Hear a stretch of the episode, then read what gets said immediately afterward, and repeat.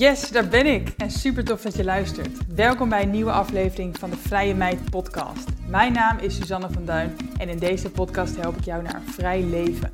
Vrijheid is mijn belangrijkste kernwaarde. In de Vrije Meid podcast leer je hoe ook jij meer vrijheid kan ervaren door locatie onafhankelijk te ondernemen en online geld te verdienen. Vind je deze aflevering interessant? Deel hem dan vooral op Instagram en vergeet mij niet te taggen.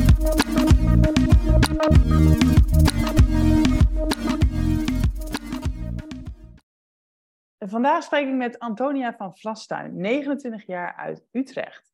En zij leefde samen met inheemse volken in Kenia en in de Amazone. Ze richtte een stichting op, Michipatu, waarmee ze de wijsheid van de Amazone doorgeeft aan de westerse wereld. En in harmonie met de natuur. En ze won daarmee ook nog de Inno Student Challenge 2023 van het Wereld Natuurfonds. We gaan het vandaag hebben over internationaal ondernemen en iets goeds doen. Over in verbinding staan met jezelf en de natuur. Over de kennis van inheemse volken en wat wij in het Westen daarvan kunnen leren. Antonia, welkom. Ja, superleuk om hier ja. met jou over te kletsen. Ja. ja. ik ben heel erg benieuwd naar jouw visie op, uh, ja, op het ondernemerschap en ook Nou ja, die samenhang met de natuur en inheemse volken en, en wat voor kennis er allemaal zit. Ja, ja, zo belangrijk, zo waardevol. Ja, absoluut. Ja, en je bent dus 29 en inderdaad, je hebt echt veel levenswijsheid volgens mij. Ja, nou, ik heb geprobeerd om levenswijsheid, denk ik, op verschillende plekken in de wereld uh, te vergaren, daarmee te leven en te kijken ook heel veel van hoe doen mensen dat wereldwijd. Ja, ja want um, Nou, ik ben er zelf niet helemaal al lang in thuis. Eigenlijk pas, nou ja, dit jaar denk ik dat ik me er meer in aan het verdiepen ben. En ik zie inderdaad nu hoeveel kennis die inheemse volken hebben. Eigenlijk ook heel logisch. Ja. ja. Terwijl mijn perceptie in het Westen is een beetje dat we een beetje lacherig doen over die volken. Zo van hè, onderontwikkeld ja. of zo.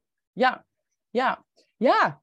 Ja, ik ben zelf eigenlijk als kind er altijd wel heel erg door gefascineerd geweest. Ik las die boeken over Papua Nieuw-Guinea en ik dacht echt van ja, als ik, als ik hier meer over wil leren, moet ik gewoon naar ze toe en moet ik daar moet ik daarmee in touch zijn. Dus ik heb zelf dat idee van onontwikkeldheid nooit gehad. Ik had juist altijd het idee, daar zit meer dan ik hier heb. Ja, ja misschien is het een beetje ja. wat wij natuurlijk, we noemen onszelf hè, de westerse wereld. En de, de, de, landen die wat minder goed gaan, noemen we de derde wereld. En, en hè, Kenia of Colombia, dat, dat noemen wij ook de derde wereld. Terwijl daar wonen die inheemse volken. Ja, absoluut, absoluut. Dus misschien dat het daar een beetje uitkomt, die vooroordelen. Nou ja, volgens mij is derde wereld ook steeds minder een term die, we, die we mogen gebruiken. Maar inderdaad, er heerst natuurlijk het idee van wij hebben de technologie en zij hebben dat niet. En zij leven primitiever of zo. Ja, precies. Um, ja, want dan noemen we het ontwikkelingslanden. Noemen ja. we dan. ja, en dan sturen wij ontwikkeling naartoe, want wij weten hoe het zit. Ja. ja ik denk dat dat echt... Nou, kijk, tuurlijk, wij hebben bepaalde tools te brengen. Daar geloof ik ook heel erg in. En daar ben ik ook altijd mee bezig. Maar ik geloof ook zeker dat wij heel veel van hen kunnen leren. Dus dat die dialoog, dat het daaruit om gaat om de uitwisseling van verschillende perspectieven. En dat we daar als mens altijd beter van worden. In plaats van te zeggen van dit is minder goed en wij weten het beter. Dat is natuurlijk volledig arrogant. Ja, maar dat vind ik een heel mooi uh, ja, startpunt van dit gesprek. Want ik denk dat mensen die luisteren misschien ook nog een beetje die klassieke visie hebben. Terwijl er heel veel kennis in zit. En nou ja, eerlijk gezegd vind ik soms dat wij de gekken zijn en dat zij uh, eigenlijk logischer leven. Ja, dus daar, nou ja, daar gaan we dieper op in zo. Misschien even beginnen met jouw um, ja, beroep. Want jij noemt jezelf, uh, of jij bent holistisch healer. Ja. Uh, Taoïstisch, als ik het goed zeg. Taoïstisch filosoof en etnobanist. Etnobotanist. Oh, sorry. Wat, wat is dit? wat is dit allemaal? Wat doe jij? wat doe ik? Nou, etnobotanist gaat, dat gaat heel erg over inheemse kennis en hun relatie met planten. Dus etno en botanie. Uh, dus mens-plantrelaties. En daarmee ben ik ook in de Amazone terechtgekomen. Heb ik met de Maasai in Kenia gewerkt. Dat is heel erg, ja, die inspiratie die ik als kind heel erg had. Van ik moet daar iets, iets zoeken of zo, wat wij minder hebben, niet meer hebben. Uh, dat komt heel erg daar vandaan. Uh, en dus heel veel leren over planten, daarmee bezig zijn. Taoïstisch filosoof ben ik geworden doordat ik in China Taoïsme heb gestudeerd.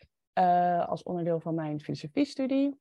En even voor de leek, wat is Taoïsme? Is dat een geloof? Is het een religie?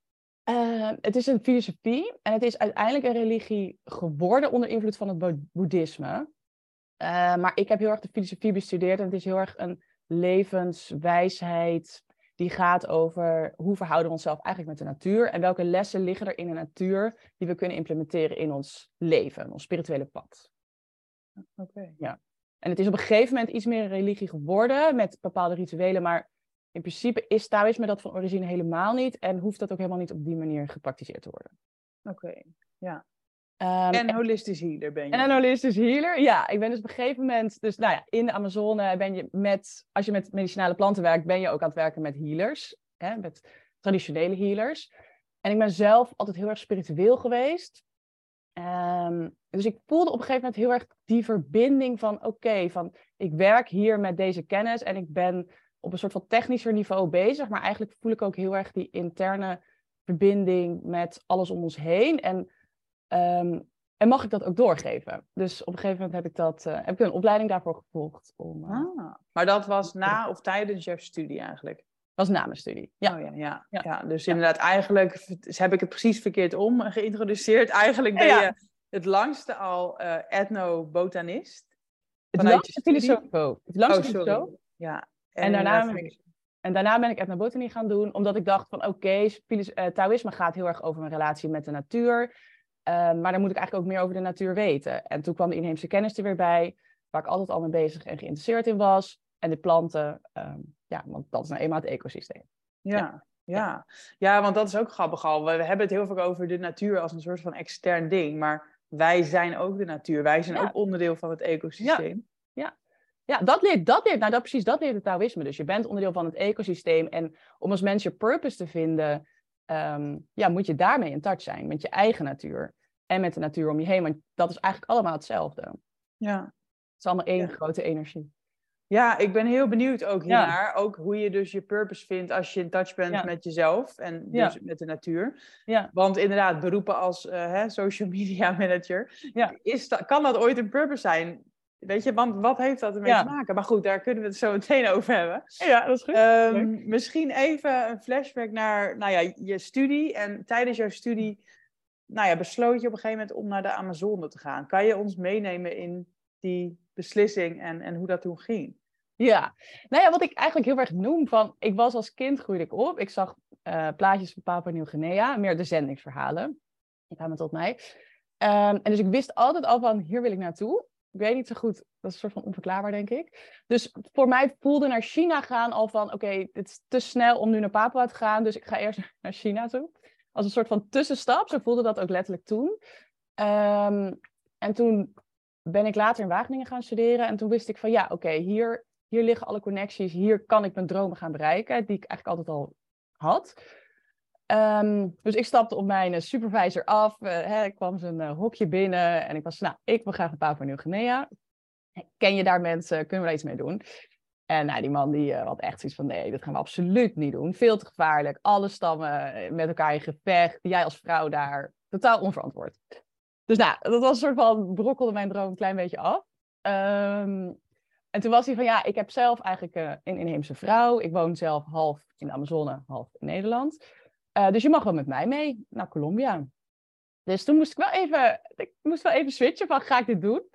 Uh, want ik sprak zelfs Portugees, omdat ik in Portugal heb gewoond ook een tijdje. Maar goed, toen heb ik mezelf omgeswitcht naar Spaans en, en ben met hem meegegaan. Ja. Wauw. Ja. En is niet de grap dat eigenlijk die inheemse volken ook misschien ja. wel weer meer op elkaar lijken dan we denken? Dat denk ik zeker, ja. Ja, ja ik denk dat alle, alle inheemse verhalen, ook over onze oorsprong, heel veel op elkaar lijken. Ja, absoluut. Ja. ja, maar het is zeker nog wel mijn volgende stap is wel om ooit een Papua Nieuw-Guinea Ja, ja oké. ik wou ja, zeggen, dus dat, dat is nog steeds een, een droom. Dat is zeker een droom, ja. Oké, en, jij, jij komt dus in de Amazone terecht, in de Colombiaanse Amazone. Ja. En wat heb je daar gedaan? Hoe lang heb je daar gezeten? Ik heb er uiteindelijk minder lang gezeten dan ik wilde, omdat uh, COVID uitbrak. Uh, dus het was midden in de COVID-pandemie. Achteraf gezien, soms denk ik, ik had moeten blijven. Want uh, mijn gastfamilie is de jungle ingevlucht, heeft maandenlang daar in de jungle gewoond. Uh, helemaal self-sufficient met de natuur. Dus dat was misschien een nog ultiemere ervaring geweest. Maar het was nou, onverantwoord geworden om daar, uh, om daar te blijven vanwege het ziekenhuissysteem. Je wil zelf als wersteling niet de pressure leggen op de zorg die andere mensen ook nodig hebben natuurlijk. Ja.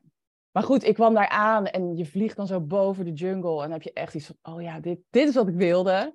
Ehm, en toen ben ik eerst naar, nou ja, dan kom je dus aan in het hoofdstadje van de Amazone in Colombia, dus Leticia.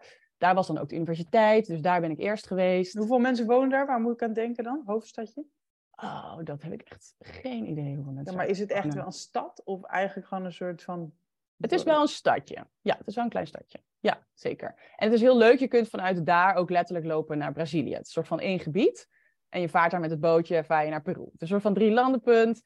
En um, ja. Dus echt op het grensgebied van Colombia, Brazilië, Peru. Daar zat jij. Daar zat ik, ja, in eerste instantie. En daarna moet je dan, neem je zo'n soort van speedbootdienst, hebben ze dan tegenwoordig.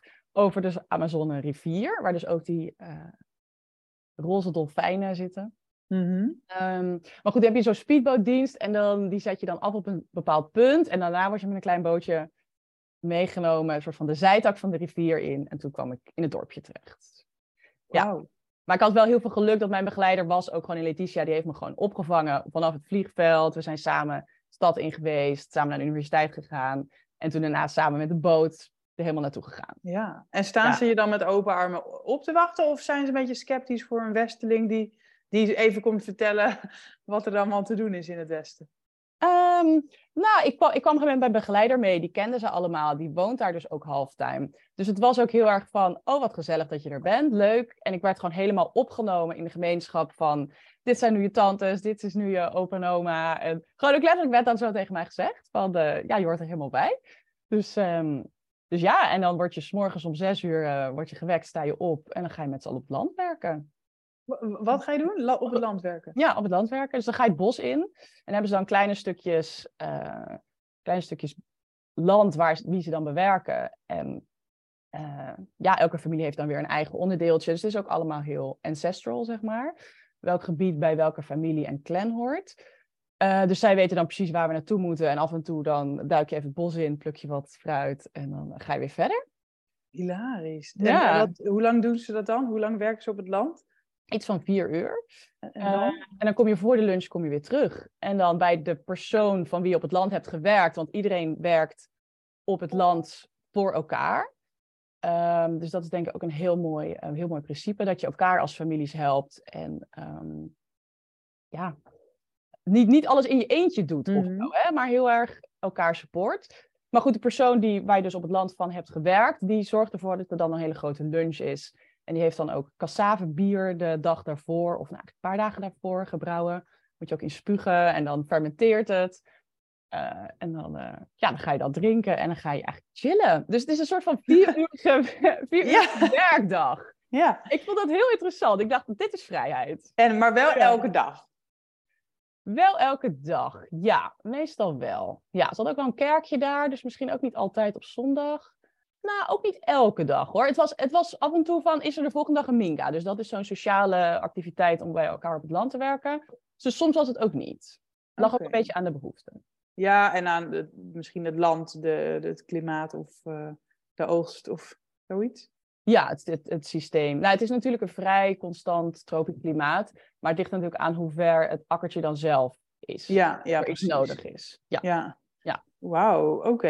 En, en leerde jij daar nieuwe dingen? Want jij hebt natuurlijk gewoon een studie gedaan ook in, ja. hè, hoe, hoe, zeg je dit? Ethnobotanie? Ethnobotanie. Ja, heel veel geleerd. Ik heb daar gewoon met die vrouwen gepraat en uh, gevraagd van oké, waar gebruiken jullie deze planten? Voor welke planten gebruiken jullie allemaal? Um, en dan was het nog het idee dat zij eigenlijk alweer minder wisten dan hun oma, dus dan de abuela. Dus nee, ik, ik zat daar en ik schreef driftig mijn notities. Ja, zeker. Ja. Dus je hebt heel veel geleerd qua natuur, maar ja. ook wel levenslessen, denk ik. Ja, zeker. Ja. Wat, wat is jou nou bijgebleven als je er nu aan denkt van wat je echt wel hebt meegenomen daarvan? Nou, ik vind het dus heel inspirerend hoe, hoe men echt leeft in community en elkaar support. En dat een hele mooie, mooie manier van, kijk, we helpen jou de ene dag en dan krijgen we dan een soort van lunch voor terug. En um, ik denk veel, ja, we leven hier denk ik veel individueler en veel meer op onszelf gericht. Ik vond het leven in community heel fijn en heel prettig. Um, dus leven in gemeenschap sowieso. Maar ook eigenlijk wat ik net een beetje noem, vieruurige werkdag. Uh, en heel veel vrijheid, heel veel sociale activiteiten. Uh, maar juist omdat de natuur en alles om je heen is of zo. Hoef je niet zo hard te werken als wij het misschien soms denken. Ja, ja want als je inderdaad Ja. gewoon self-sufficient bent, Ja, waar werk je op een gegeven moment nog voor? Wat ga je doen met meer? ja. Ja, ze hadden gewoon, ze hadden genoeg. En dat was, dat was goed. Ja. Ja. En dat, nou, dat zei dus ehm, mijn soort van adoptiemoeder dan ook tegen me van... eh, ja, waarom zou je zoveel spullen hebben? die, had dan, als die, dan, die was dan af en toe wel eens in Nederland, was dus een inheemse vrouw. Was daar doodongelukkig, want die miste het gewoon om op het land te werken. Ehm, dus had ik echt zoiets van, nou... Ja, jullie hebben warenhuizen, zeg maar. Ja, zijn warenhuizen. Dus ze had ook in haar huis niks hangen. Dat was gewoon niet nodig. Nee, Ja, dus echt mooi. die, die simpelheid van het leven. Hoe, hoe komen we hierbij dan? Waarom zijn wij zoveel gaan verzamelen? Mijn hele huis staat vol met, met kaarsen en vazen en, en bloemen en boeken. En... mijn huis ook redelijk hoor. Ik hou ook wel heel erg van spullen. Maar ja, ik ben wel, toen ik dus terugkwam uit de Amazon, heb ik wel geprobeerd om Marie Kondo toe te passen en echt even wel door mijn spullen heen te gaan. Ja, Ja. ja. En het eh, stukje community leven, hè? want dat Ja. klinkt inderdaad aan de ene kant best wel ja, normaal eigenlijk ook, hè? natuurlijk. ja, En ook wel mooi. Ja. Maar tegelijkertijd hebben we het hier in het Westen allemaal over me-time en eh, hè, een momentje voor mezelf. En de helft van de mensen is, is opeens introvert en moet Ja. opladen alleen. Denk Ja. jij dat dat onzin is? ja, dat is een goede vraag. Wat grappig. Nou, ik, dat hadden ze daar dus niet. Totaal niet. Ik, zeg maar, ik deed dat ook en mijn Nederlandse begeleider deed dat ook. Wij trokken onszelf af en toe terug. Eh, met name als er te veel muggen op ons afkwamen. Dan eh, hadden we echt zoiets van, nou, eventjes eh, mij niet bellen. Maar nee, dat, dat, dat concept kenden ze daar niet. Nee, nee, totaal Maar misschien hebben wij ook gewoon honderd keer zoveel prikkels Dat denk ik eh, ook. bedacht. Ja. En, en Ja. geen vierurige werkdag. Waardoor Nee. we inderdaad zo'n niet natuurlijk leven leiden. Dat Ja. we dus die oplaadtijd nodig hebben. Dat we dat nodig hebben, ja. En we zijn natuurlijk ook op een hele andere manier geconditioneerd. Doordat we Ja. ehm, veel individueler leven. En dus dat dat dus ook belangrijker is. En daar je eigen purpose uithalen. Waardoor je natuurlijk letterlijk ook met jezelf af en toe moet zijn. Terwijl als je purpose communaal is, dan ben je gewoon met elkaar. Dan is dat wat er is. Maar ik denk zeker, ik denk heel, heel belangrijk aspect is inderdaad die prikkels. Dat we zoveel op ons afkrijgen in deze samenleving. Ja, want ik bedoel, Ja. hebben mensen daar ook burn-outs? Niet dat ik weet. Ik heb daar niet over gehoord. Nee, dat is toch bizar? Ja, ja maar het is zo'n ander levensritme. Ja. En je bent daar gewoon, nee, als je dan smiddags, dan ben je daar met z'n allen dus, ja, na die lunch hang je daar een beetje met z'n allen rond en dan ben je aan het lachen en dan is het gewoon heel gezellig. Dus dat is natuurlijk zo'n totale ontspanning. Ja. En jij bent de hele dag, heb je ook al heel veel beweging gehad. Dus je bent het hele oerwoud doorgelopen, want die landjes zijn soms best wel ver. Ehm, dus je hebt heel veel fysieke beweging gehad. Je, je bent vrolijk en blij met je, met je vrienden. Dus ja, dat, dat hele concept van jezelf helemaal uitputten, dat is er niet. Nee. Want Nee. waarom, ja, ik vind het soms Ja. zo raar als je Ja. dat, dit vergelijkt. Van waarom doen we dit dan in het Westen? Ja, Waarom werken wij, Ja. nou ja, gemiddeld zeg maar vijf dagen in de week, ja, de hele dag, acht uur, Ja. negen uur lang. En dan en, nou, zijn we helemaal kapot en dan hebben we twee dagen om op te laden en dan begint het weer opnieuw. ja, ja. Nou ja, ik denk dat een deel is ook wel omdat onze natuurlijke omgeving is een stuk kouder. Dus we moesten veel sneller ervoor zorgen dat wij een huis, dak boven ons hoofd hadden. Ehm, dus de, de- en de, ja, de omgeving daar is een stuk rijker. Er zijn zoveel resources daar in het oerwoud. Dat je ook minder het nodig hebt om dat te gaan doen. Zeg maar, ik weet niet of, het, of wij het letterlijk hetzelfde concept kunnen kopiëren met vier uur werken op het land. Ja. Dan diezelfde levensstijl implementeren. Omdat we op een heel ander klimaat leven. Dus dat is denk ik ook leven in harmonie met de natuur. Is ook leven Ja. met je natuurlijke omgeving die hier veel ja, heel anders is. En een stuk Ja. Uitdagender is. ja, wat dat betreft zou je ook ehm, Ja. eh, hè, in, in Alaska of zo, Ja. ehm, ik ben even, Inuit, de Inuit. ja, de Inuit, ja. Dat je daar inderdaad Ja. gaat kijken of die, of die dat ook op die manier doen. Want die hebben natuurlijk een heel Ja. ander klimaat. Je bent een heel ander klimaat, ja. Ja, ja maar goed, die- ja, die zie ik ook niet een red race eh, Nee. leven. Nee. nee, ik denk de, de red race die wij, die wij leven is, is, weer, het is weer van een compleet andere orde. Dat heeft natuurlijk niet per se iets te maken met ons klimaat. Dat heeft gewoon te maken met dat ja, bepaalde dingen een beetje zijn doorgedraaid of zo. Ja. Ja. En Ja. kon jij wel weer aarden dan toen je weer in Nederland kwam? Nou, ik vond dat heel lastig, want nou ja, het was, ehm, ik was daar mijn grote droom aan het leven. Eh, en ik moest sowieso gewoon onverwacht door corona terug. Eh, en toen was de hele wereld hier in pandemie. Dus alles was hier op slot. En nou ja, toen ik uit de Amazone kwam, was in de Amazone zelf nog geen corona. Dus ik kon daar zelf nog alles doen. Ik was daar nog jaren geweest. Ik had nog een feestje gegeven met z'n allen. En, uh, en ik werd letterlijk op mijn verjaardag gebeld van je moet terug. Uh, dus dat ik wel zoiets van, oh shit, dit is eigenlijk helemaal niet wat ik wil. Dus ik, ik, had, wel, ik had er wel moeite mee om terug te komen, ja. Ja. Ja. ja. Ja, maar je hebt, omdat je in zo'n klinische wereld weer terugkomt, van waarin je gecheckt wordt, waarin ja, je moet afzonderen. En ik kwam uit een soort van bubbel van waarin iedereen alleen maar met elkaar aan het, ja, aan het rondhangen was. Dus dat, dat was een heel andere vibe. Ja. ja. Nou. Maar je hebt geen afscheid genomen, wilde ik zeggen, van de Amazone. Want nee. je bent een stichting gestart. Ja. Kun je vertellen Nou ja, hoe dat ging en waarom je dat wilde? Nou ja, ik ben dus uiteindelijk heb ik mijn onderzoek in Nederland afgemaakt via afstand. En um, ja, een beetje op internet geprobeerd af en toe met mensen te bellen. Maar het internet is natuurlijk niet zo goed daar. Dus nou ja, dat was een beetje zoeken. Um, maar ik, ik voelde gewoon zo'n sterke verbondenheid. Misschien ook wel omdat het abrupt was afgerond. Maar ook wel, ik had altijd wel het ideaal van... oké, met die medicinale planten werken, dat kan echt wel iets betekenen. Um, dus toen ben ik eigenlijk altijd heb ik dat contact gehouden. We zijn zelf... Uh, hebben een soort van manual gemaakt... waarin een soort... Um, waarin we aangeven van... oké, je kunt op deze manier met de planten werken. We hebben allerlei organisaties lokaal aangekoppeld van ja, willen jullie dit op een soort van commerciëlere manier in gaan zetten, dan zijn dit en dit de opties. Want het was nu natuurlijk altijd heel erg voor zelfgebruik, die medicinale planten. Maar ik en mijn begeleider zagen ook heel erg van, um, ja, daar is ook in de buitenwereld heel veel vraag naar. En mhm. juist door corona kwam daar ook nog meer vraag naar, omdat die medicinale planten heel erg op je immuunsysteem werkten en tegen virussen uh, zich inzetten. En dat was ook heel leuk om te zien dat daar in Amazone niemand overleed. Dat het hele dorp, gewoon alle oude mensen uh, ook, dat het eigenlijk heel erg goed ging. Terwijl iedereen heel Tijdens corona bedoel je? Ja, tijdens corona. Terwijl iedereen bang was van, oh, dat gaat daar in Amazon helemaal slecht, dus jij moet weer terug. Was het eigenlijk het andersom, dat daar het leven vrij snel verder ging, omdat, um, ja, omdat ze wisten wat ze moesten gebruiken. Ja, ja. ja. Dus jij hebt eigenlijk hè, die, die medi... Hoe zeg je dat? Die planten, ja, die wilde jij eigenlijk gewoon naar het westen brengen, zeg maar. Niet per se in eerste instantie gelijk naar het westen. Um, want ze vroegen mij wel heel erg van, oké, ze, ze willen natuurlijk zelf ook eigenlijk meer geld verdienen, omdat ze dat natuurlijk ook zien. Het is een bepaald romantisch ideaal van, oké, daar is het perfecte leven. En tegelijkertijd um, is er ook een bepaalde vraag naar van, ja, we zien ook dingen voorbij komen en we willen ook deze levensstijl. Mm -hmm. Dus ik denk dat, nou ja, wat ik eigenlijk ook aan het begin van het gesprek al zei, het gaat om de dialoog van beide werelden. Zeg maar. Zowel vanuit die wereld willen ze meer kennis over onze wereld en wij, vanuit onze wereld willen wij, denk ik, kunnen we heel veel leren van de kennis van daar. Dus het gaat denk ik heel erg om de integratie en die ja, dialoog daartussen. Um, dus zij vroegen dat van ja, van kunnen wij, kunnen wij dit commercialiseren? Um, dus toen hebben we dat samen met mijn begeleider zijn we daar gaan kijken van oké, hoe kun je dit op een verantwoorde manier doen?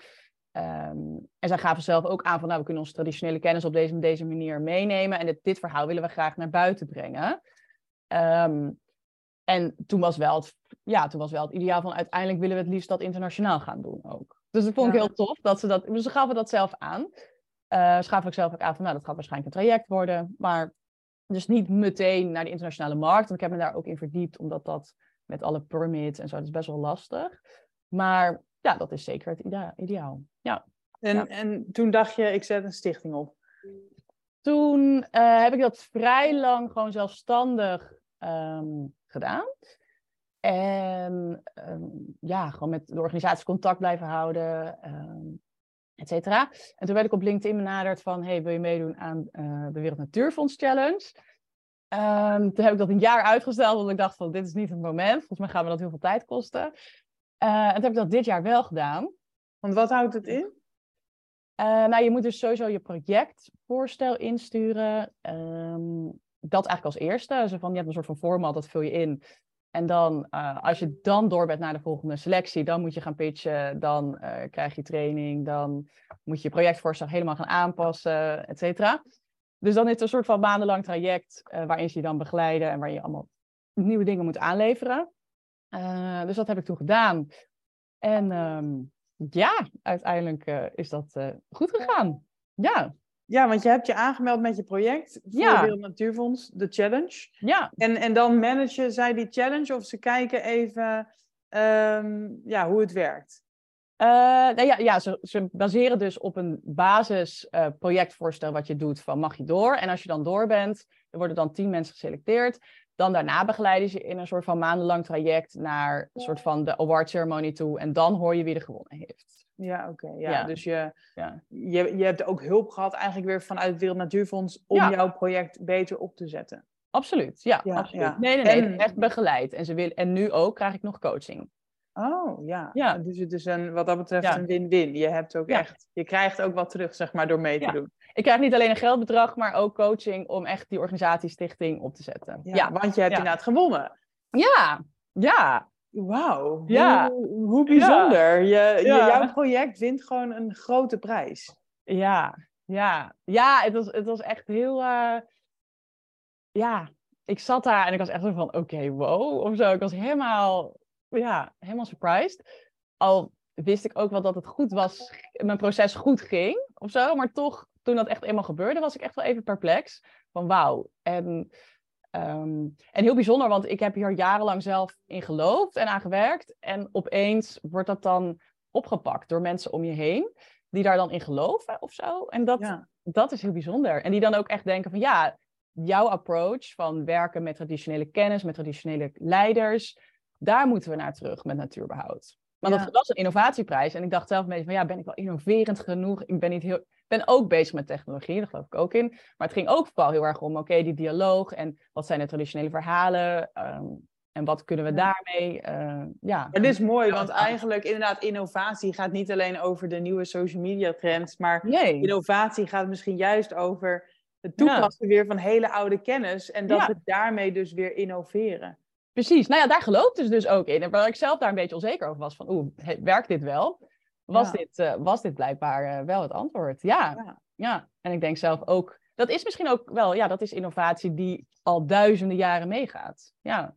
Ja, ja, precies. Ja, want wat ik in het begin zei, weet je, kijk, wij zijn degene die natuurlijk op een gegeven moment zijn afgeweken van ja. leven met de natuur. Ja. Wij noemen dat ontwikkeling. Ja. maar eigenlijk zijn we best wel ver weg van onze, hè, onze natuur. Ja, dat denk ik ook. En is dat denk ik niet altijd positief? Nee. Nee, ik denk echt dat we daardoor een stuk verbinding met onszelf, met ehm, ja, echt het begin denk ik echt met ons lijf en daarna met de mensen om ons heen en met de natuur om ons heen, met alles om ons heen dat we daar zoveel minder aware van zijn, omdat we zoveel meer aan ons hoofd veel lineairder leven. En ik denk dat het heel belangrijk is om veel circulairder, veel meer cyclisch te leven van wat is er om ons heen, hoe, voel, ja, hoe voelt mijn lijf zich vandaag of zo. Echt dat begin daar.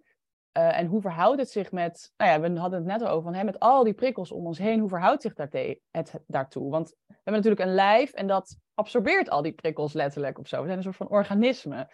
Dus van hoe houd je die, die energie schoon en hoe, ehm, ja, hoe voel je en interacteer je? Omdat we natuurlijk zoveel meer hebben dan alleen ons hoofd. Ja. Dat is wat daaronder zit. Maar denk jij dat het nog mogelijk is om in onze westerse wereld weer echt in contact te komen met jezelf dan wel de natuur? Is dat nog mogelijk? Is dat nog mogelijk? Nou, ik, ja, ik denk, ik denk misschien op een andere manier dan, um, dan, ja, dan helemaal teruggaan naar de oorsprong.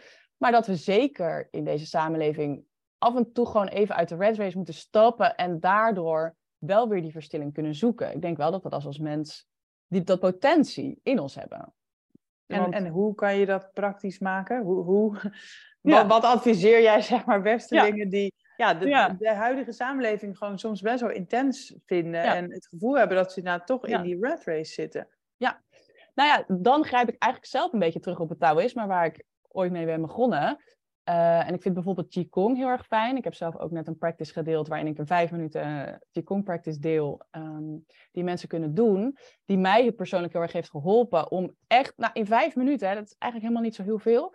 Maar om echt weer even terug te komen in het lijf, omdat je op speciale onderdelen van je lijf tapt, drukt. Uh, echt even wrijft, contact maakt met van hey, hallo, ik zie jou, ik zie je lijf, ik voel jou. Um, dus Qigong heeft mij altijd heel erg geholpen om dat terug te pakken, maar ook even koud te douchen. Even die, uh, dat, zei ook een keer een teacher tegen mij van, um, koud water zorgt ervoor dat de energie rondom je lijf echt verandert. Dus dat hielp mij ook heel erg. En ehm, ja, echt even, ja, even die overprikkeling uitstappen. Hè? Wat Charlotte Labé altijd heel mooi zegt over dat uh, overprikkeld brein in deze samenleving. Even de natuur in. Want de resonantie van de natuur, die vibreert op ons lijf. En de stad en het, de red race niet.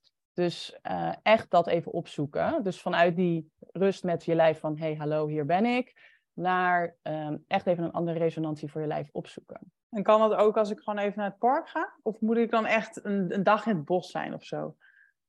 Ik denk dat dat kan op elke schaal, denk ik. Dat kan, denk ik, dat kan in het park. Dat zeg maar ook heel erg bewust zijn van uh, wat zie je, wat ruik je, wat voel je, wat proef je, wat zie je om je heen. En als dat bomen zijn die daar zijn, dan zijn ze daar. En echt even die verbinding mee proberen te maken van, kan, kan ik dat voelen of kan ik daarmee me verbinden op een bepaalde manier. Ja. En dat kan in een paar minuten. Ja. En denk je dat mensen dan in de stad hier meer issues mee hebben dan mensen op het platteland? Of is het meer gewoon een cultuurding geworden? Uh, dat, ik, nou ja, in de stad is het natuurlijk moeilijker, omdat er minder toegang toe is. Um, dus als je op het platteland woont, heb je denk ik die, die toegang makkelijker. Tegelijkertijd gaat het denk ik ook om het bewustheidsniveau van de persoon. Als de persoon er heel intentioneel mee bezig is, dan maakt dat misschien minder uit. Um, ja, dan moet je er misschien in de stad iets meer je best voor doen, maar dan is dat zeker mogelijk. Dus ik maak denk ik ook qua personality heel erg uit. Ja, precies. Dus De, de, sleutel is vooral uh, bewustzijn eigenlijk. Hè? Ja. En uh, inderdaad um, niet laten overprikkelen. En de natuur helpt daarbij, maar het, is, ja, het begint wel met mindset eigenlijk. Dan denk ik wel. Ja, het begint heel, dat voelde ik zelf heel erg. Het begint zelf ook heel erg met dat contact maken met mijn eigen lijf. Ja.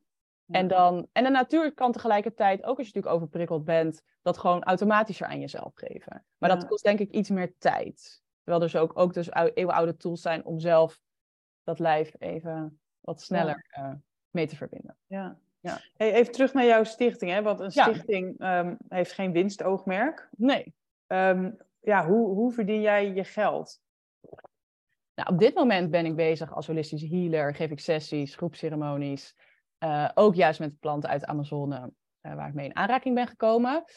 Uh, maar tegelijkertijd is het het ideaal. We zijn nu even met de coaching van het Wereld Natuurfonds aan het kijken van hoe we dat exact kunnen doen.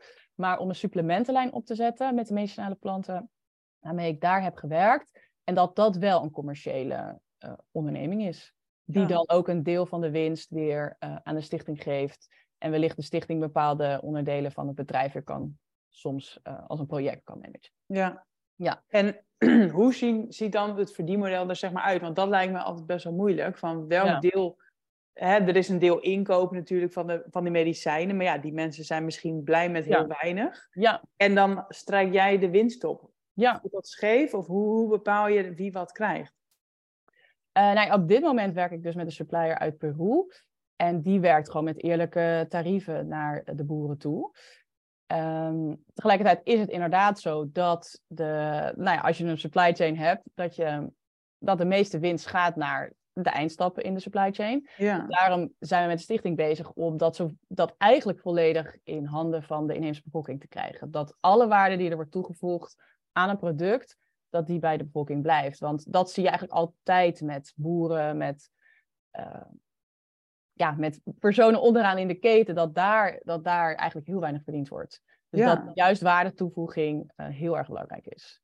Dus ja, maar dit, dit is zo moeilijk, hè? Want uiteindelijk wil jij ook gewoon een normaal inkomen verdienen om hier te kunnen leven. Ja. Maar dat betekent dus inderdaad dat jij uiteindelijk de grootste hap pakt waarschijnlijk. Ja. Uh, of de consument betaalt uiteindelijk gewoon een hoop natuurlijk. Ja. Maar, ja. En inderdaad, die boer die krijgt dan uh, een habbekrats voor zijn, voor zijn plant. Ja dat lijkt me gewoon zo moeilijk. Terwijl als je dit niet opzet, ja. krijgen ze helemaal niks. Nee. nee, dus we zorgen er echt voor dat de waarde zoveel mogelijk daar blijft en daar aan verdiend wordt. Want wat natuurlijk, daarom geloof ik eigenlijk heel erg in directe value chain. Dus dat de producent en de consument zoveel mogelijk aan elkaar gekoppeld worden met desnoods een tussenstap die bijvoorbeeld ik zou kunnen zijn. Maar niet nou ja, honderden kleine soort van tussenpersonen. Ja, dus korte keten. Korte keten, ja. En ook zoveel mogelijk die verhalen vanuit de producent aan een consument koppelen. Want ik denk ook dat daar een stukje bewustzijn voor de consument kan liggen van, ja, ik ben misschien niet letterlijk heb ik deze, dit, dit fruit geplukt, maar ik weet wel het verhaal van de boer die dat heeft gedaan. Dus dat zorgt er denk ik ook voor dat we als mens alweer meer in verbinding kunnen leven met de natuur en met alles om ons heen. Ja. Als we die oorsprong van het product kunnen pakken en die verhalen daarvan kennen en daarmee in touch zijn. Dus ik denk dat dat ook heel erg belangrijk is. Ja. Wat zijn er nog meer dan verhalen of lessen die we mee kunnen nemen vanuit die inheemse bevolking uit de Amazone? Ehm, nou, wat, wat heel erg belangrijk is voor traditionele healers, is bijvoorbeeld dat het een holistisch geheel is als je bijvoorbeeld medicinale planten neemt. Dus dat je dan je dieet daarop aanpast, dat je eh, even geen alcohol neemt, dat je um, nou, ook zoveel mogelijk vaak uh, spicy foods, dus uh, pittig eten moet vermijden. Um, dus ik denk dat het, het gaat misschien niet per se om die expliciete recommendations, maar wel om een bewustzijn van, oh ja, het gaat niet alleen maar om dingen zijn met elkaar verbonden. Als je iets neemt, dan gaat het ook om een totaal geheel. Dus dat je je totale gezondheid, waar ik denk ik ook als healer mee bezig ben, van hè, het gaat echt om lichaam, geest uh, en energie, van dat alles met elkaar verbonden is. Dus je kunt niet zomaar iets nemen en dan denken dat iets verdwijnt. Uh, als een soort van lineair geheel, maar het is, het is, heel, het is meer verbonden in een groter geheel ja. met elkaar. Ja, dus als je het weer terug uh, pakt naar het westen, ja. en we zijn hier druk, we zijn hier gestrest. Ja. En dan denken we, oh, doen we één keer in de maand even zo'n theeceremonietje en dan ben ik weer de oude. Ja. Maar je moet nee. inderdaad hè, naar het geheel kijken en, en niet denken van, oh, dit gaat me eventjes snel helpen. Nee, nee, nee. Nee, ik denk dat dat heel erg belangrijk is. Dat je echt dat holistische perspectief houdt in alles wat je doet. Um, en, en, en, en zo'n theeceremonie of een ceremonie die helpt natuurlijk daarbij. Mm-hmm. Maar uh, als je de rest van je leven niet aanpast, dan gaat het niet helpen. Dus nee. wel echt even proberen dagelijks in te checken met van hoe voelt mijn lijf. Uh, en het gaat denk ik helemaal niet om de allergrootste dingen die je kunt doen. Maar Mm-hmm. echt om af en toe even die verstilling met jezelf te zoeken. Ja. Ja. Hey, en we, hebben het net, we hadden het net over die medicinale planten. En jij ja. uh, wil daar supplementenlijn van maken. Maar ja. je doet daar ook theeceremonies mee. Is dat dezelfde plant? Ja, dat is dezelfde plant. Ja, oh, ja. dat is ketsklauw. Ja. Oh ja, ja. En want is dat dus niet ayahuasca of zo? Dat is de enige die ik ken. Ja, nee, dat is geen ayahuasca. Dit is ook geen... Uh, hij is botanisch erg heel ver familie, dat wel. Uh, maar heeft een totaal andere werking. Hij werkt niet psychedelisch, dus niet op uh, dat je allerlei andere beelden gaat zien. Hij werkt wel op het versterken van je, um, um, je geest, maar op een soort van, op een veel subtieler, dat die cognitieve functies worden versterkt. Dus dat is op een heel andere manier. En tegelijkertijd was de grootste voordeel, denk ik, van de plant is, is dat je echt heel erg kan aarden en kan zakken in je lijf. Dus ayahuasca is natuurlijk van, oh, ik ga alles meemaken en er gebeurt heel veel. Is dit juist een plant die ervoor zorgt dat je kan zakken en integreren? Alles Oké, okay. ja. En is het vies? Of is het een lekker theetje? Of... Mensen die het drinken zeggen altijd tegen mij dat ze, dat ze het eigenlijk best wel lekker vonden. Ja. Het, het, heeft wel heel erg een aardesmaak, maar het is eigenlijk het is heel goed te drinken. Ja. Ja, even voor de luisteraar. Ik ga morgen ja. dus bij Antonia een. Cat's Claw ceremonie bijwonen ja. en dus de thee drinken. Ja. Dus ik ben heel benieuwd, dus ik zal het ook laten weten anders op, uh, op Instagram uh, voor de mensen. Leuk, ja zeker. Ik ben heel benieuwd wat jij ervan vindt. Ik ook. Ja, daar... en, wat, en wat doe jij dan weer tijdens één op één healing sessies? Is dat dan ook met thee? Of? Nee, daar kan ik wel de supplementen na afloop bijvoorbeeld aanraden. Maar nee, mijn healing sessies gaat echt over meditatie zelf. Dat we allebei in een meditatieve staat zijn, zowel de persoon als ikzelf. Uh, en daardoor heel erg bezig kunnen zijn met je intuïtie, met je lijf, met je energie. En um, ja, dat ik een soort van verbindingskanaal ben tussen de persoon en tussen alles wat er om ons heen is. Um, want ik krijg ook beelden door, ik zie allerlei dingen. Um, en daarmee kunnen we dan aan de slag. En dan ja, is het echt een soort van aanraking met je lichaam, uh, om echt weer daarin terug te komen. En de afloop hebben we een gesprek over van, oké, okay, wat heb je gevoeld, wat heb je gezien, wat heb ik gezien, wat zijn de thema's die er spelen en hoe helpt jou wat we hier hebben gezien verder in, ja, in jouw leven eigenlijk. Ja, wauw. Maar je zegt net, je krijgt beelden door of dingen door. Ja. Zijn dat ja. dan, voel jij gewoon van, hé, hey, dit is het probleem wat iemand heeft? Nee, het is niet, het, het is niet een probleem of het is niet iets Um, nou, dat kan misschien soms ook, maar het gaat meer over bepaalde beelden of bepaalde hier loopt de energie of dit zijn de kleuren waarmee werken of beelden. Het kan ook heel letterlijk zijn, maar het zijn vaak meer symbolische ehm, ingevingen, waarin de persoon zelf, ja, ik vind, ben altijd ook heel erg verbaasd over als ik erover begin, van die herkennen dan, oh ja, dat gaat hierover, oh dat gaat daarover. En dan, ehm, dan krijgen we daar een gesprek over. En dan, dan, dat vind ik eigenlijk zelf altijd het mooiste gedeelte, want dan, dat is zo puur en dan kom je echt tot de kern van mensen. Ja. Ja. Maar dat kan dus over van alles gaan. Dus het kan zijn dat jij doorkrijgt van iemand heeft stress of, of een bepaalde lichamelijke ziekte of, of, of een relatieproblemen? Of kan het heel breed zijn? Nee, maar het is, niet, het is niet dat ik zulke concrete dingen zie. Maar als ik bijvoorbeeld over stress ga, dan kan ik zien dat er een verstoring in de energie zit. Oh, zo, ja. Ja. Uh, en dan kan de persoon zelf aangeven: Goh, ik heb inderdaad heel veel stress, ervaar ik op dit deel van mijn lijf. Um, ja. Dus of je ziet een bepaalde blokkade van oké, daar moet iets uit verdwijnen. Uh, en dat mag dan letterlijk opgelost worden in alles om ons heen. Ja, ja. ja precies. Dus het gaat ook meer over energiebanen en of alles ja. stroomt. Ja, en dus het is ook heel erg het idee dat na afloop je, ja, dat je energie ook veel meer stroomt, omdat alles in je lijf veel meer met elkaar verbonden is. Ja, want ik vind jouw Insta-bio wel heel mooi. Jij zegt, ja. uh, leef vanuit je flow en power. Ja. En ik denk inderdaad, hè, als je dus ja, je, je, je energie in balans is, dat je dus eigenlijk ook al in, in je flow zit. En dat komt dat. ook door, doordat jij je purpose leeft en in verbinding bent met jezelf. Ja, ja, en, en als je in je flow en in je lijf bent, dan vind je die purpose vanzelf. Want die zit in je lijf versleuteld. In, die soort van subje, ja, subtiele signalen die je dan mm. voelt in je lijf van, oh, ik moet hierheen, oh, ik moet daarheen. Ja. In plaats van dat je heel erg linea recta werkt van, oh, dit en dit moet ik gaan doen, is het veel meer van, oh, ik voel eigenlijk dat ik hier en hierheen mag. Ja. En het komt als je, als je in die flow weer terug bent gekomen. Ja. Ja. Maar dit vind ik soms best wel, dit gaat een beetje met pet boven soms hoor. Want hoe, ja. hoe kan jij dit rijmen dat bijvoorbeeld Hè, ik heb nu het gevoel dat ik wel in mijn missie zit. En dat ik inderdaad in mijn flow zit als nu, hè, als coach en als auteur en als podcaster. Maar stel, ik was in de Amazone geboren en ik had elke keer het gevoel van, hè, ik wil boeken schrijven en podcasten en coachen. En, en daar was gewoon mijn taak van, hè, ga, ga op het land werken. Ja. Zit ik dan wel in mijn flow? Of hoe, hoe kan dit? Nou, ik denk dat alles is een interactie met elkaar. Je bent nooit ehm, het staat nooit op zichzelf. Dus als jij in de Amazone geboren bent, krijg je natuurlijk heel andere input in jouw ziel dan als jij hier in het Westen bent. Daar ken je dan misschien letterlijk het concept podcast niet eens. Dus ja, dus dan weet je niet dat je dat moet gaan doen of mag gaan doen. Maar dan wilde je misschien verhalenverteller worden. Dat zou natuurlijk wel kunnen. Ja. Ehm, dus ik denk dat, dat er inderdaad, er zit een origin in je ziel. En er zit tegelijkertijd informatie die je krijgt vanuit je natuurlijke omgeving. En die werkt met elkaar samen.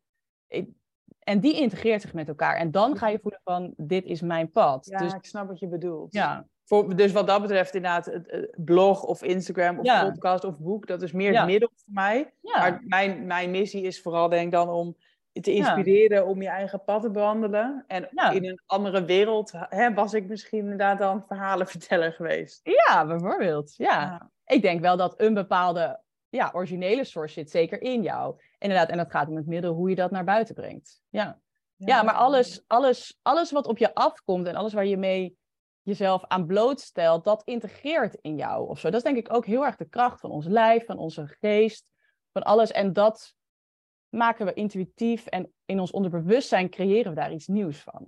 Ja. Ja. Jij lijkt hier al vrij ver mee te zijn. jij bent hier zelf die jaren al mee bezig. Ja. Maar hoe zou jij, als iemand nu luistert en echt denkt van nou Antonia, waar heb je het over? Hè, diegene zit misschien helemaal niet op haar plek. Nee. Waar begin je dan om dus ja, dichter bij jezelf te komen en om je purpose te vinden en om je goed te voelen? Ja, maar ook bij mij gaat het heel erg in flows hoor. Soms dan zit ik er heel erg in. Nu voel ik me echt weer helemaal on top of van ja, ik zit echt in mijn flow en ik leef daarvan uit. Heel diep van binnen. En van de zomer voelde ik dat helemaal niet. Dus het is, ook, het is ook heel cyclisch in die zin. En dat mag je denk ik ook omarmen. En juist dat je die cyclus soms ook nodig hebt om het even niet meer te weten. En het even juist heel ver vandaan te zijn. Om, uh, om daarna weer tot leven te komen. Want in de natuur is ook niet alles lineair van, oh, we hebben het eenmaal ontdekt en dan blijven we er altijd in en dan wordt het steeds beter. Nee, dan wordt het ook weer winter en dan sterft alles even af. En daarna komen we weer in de lente tot bloei. Dus dat we ook heel cyclisch zijn daarin. En juist denk ik, als je luistert en je voelt even van ik zit niet op mijn plek, dan mag dat juist het roepsignaal zijn naar jouw lijf toe, naar jezelf toe. Van ik mag ook eventjes. Je hoeft daar niet tegen te vechten. Je mag dat gewoon, je mag dat laten rusten en je mag die rust nemen en terugkomen bij jezelf. Ehm, en de tijd daarvoor nemen. Dus, en af en toe ook echt bewust werken van doe eventjes die Qigong vijf minuutjes. Ik heb daar een hele leuke practice voor gedeeld. Of ehm, ik ga toch even koud douchen in de ochtend en ik doe mijn ademhalingsoefeningen. En probeer het ook vooral niet te krampachtig te maken. Gewoon blijf lekker leven, zoek dingen op, ga naar buiten. Af en toe even bij jezelf komen. Schrijf heel veel zonder jezelf af. Ga lekker een week. Ik heb een aantal keer, uh, toen ik het even echt niet meer voelde, paar weken gewoon weer in de joert gezeten. En alleen maar geprobeerd van, oké, ik moet echt proberen weer terug te komen bij wie ik ben, wat ik voel. Mhm. Want het zit in je. Alle antwoorden zitten in jou. En die, die gaan naar buiten komen als je het rust geeft. Ja. Ja. En ik denk, advocaat van de duivel, dat veel mensen dan nu zeggen: ja, maar ja, er moet ook geld verdiend worden. Hoe combineer jij dat? Want jij um, bent wel, vind ik dan, ja. goed bezig met jezelf en de natuur. maar inderdaad, er moet ook geld verdiend worden. Ja. Dus je hebt natuurlijk ook bepaalde verdienmodellen. Je, je vraagt ook logischerwijs gewoon geld voor die healing sessies en ceremonies. Maar, maar kom je wel hiervan rond? Kan jij hiervan leven? Kan je dit combineren dus? Nou, op dit moment ben ik een beetje aan het opbouwen. Dus op dit moment ben ik er nog niet, kan ik er nog niet volledig van leven. Nee. Ehm, dus ja, er, er moet geld verdiend worden, dat klopt. En tegelijkertijd is denk ik, ja, jezelf is de allergrootste prioriteit in allereerste instantie. Um, dus dat, dat staat denk ik bovenop. Als jouw mentale gezondheid het niet toelaat, dan, en dan is er in deze samenleving is natuurlijk ook hulp. Want als het echt niet gaat, dan kan er van allerlei hulp uh, aan terugkomen. Maar ik denk dat het belangrijk is om eerst die basis met jezelf goed te hebben. En vanuit daar geloof ik ook heel erg, dan komt het ook op je af als je helemaal in die flow zit. Geloof ik heel erg van, ik ben nu in deze opbouwfase, dan komt het ook op me af en dan, dan wordt het ook steeds meer. Maar als ik dat vanuit een niet gezonde manier had gedaan, dan, dan ben je aan het vechten. Ja, precies. Dan ga je nooit die flow voelen. Nee, nee. precies. Dus eerst toch in verbinding staan met jezelf. En dan denk jij wel dat er mogelijkheid is om geld te verdienen met je flow. Ja, dan, Juist dan komt het op je af. Ja. en dat zie ik ook wat er heel erg nu gebeurt. Of wat, ja, de mensen die nu naar me toe komen en me willen helpen. En als, ik, ik denk echt van wauw, dit is, dit is zo bijzonder. Ja. Daar mag ik ook echt in meegaan. En dan heb ik ook heel veel vertrouwen in dat dat goed komt. Ja. En heb jij zelf ook ehm, een, een, een beeld van hoe jouw, wat jouw omzetdoel bijvoorbeeld is en wat je dan waarmee verdient en of jij goede prijzen vraagt? Um, ja, dan ben, ik, dan ben ik aan het uitvogelen along the way, maar daar heb ik zeker een idee van. Ja, ja dus inderdaad, je weet wel, in theorie is het echt mogelijk om ook met jouw dingen geld te verdienen. Ja, ja zeker. Zeker. En um, kijk, ik ben nu bezig met individuele healing sessies. Het lijkt me ook heel mooi om later trajecten te gaan aanbieden, om nog een e-book te maken. Om... Maar het lijkt me ook heel leuk om spreker te worden en ook echt die verhalen door te vertellen. Van oké, wat heb ik gezien, wat heb ik geleerd? Um, dus ik ben nu, ben nu ergens, ergens aan het beginnen en aan het pioneren, maar volgens mij komt er gewoon nog zoveel meer moois. Dus dat, ja. ja. Ja. want ik vind jou zeker een pionier op dit gebied. Heb jij inderdaad mensen die jou weer inspireren? Of, of ben je echt de enige die, die dit doet? Nee, ik ben zeker niet de enige die dit doet. Uh, er zijn natuurlijk heel veel mensen die werken met inheemse kennis.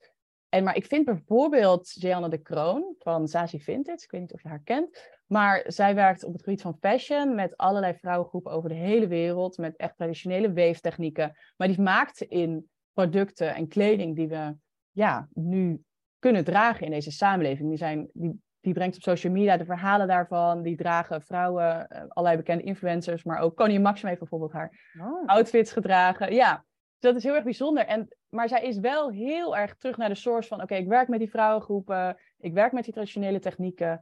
Ehm, en die komen dan weer, die worden dan weer geverfd door planten uh, uit de natuur. Hè, dus heel erg met de bodem weer verbonden, met de grond.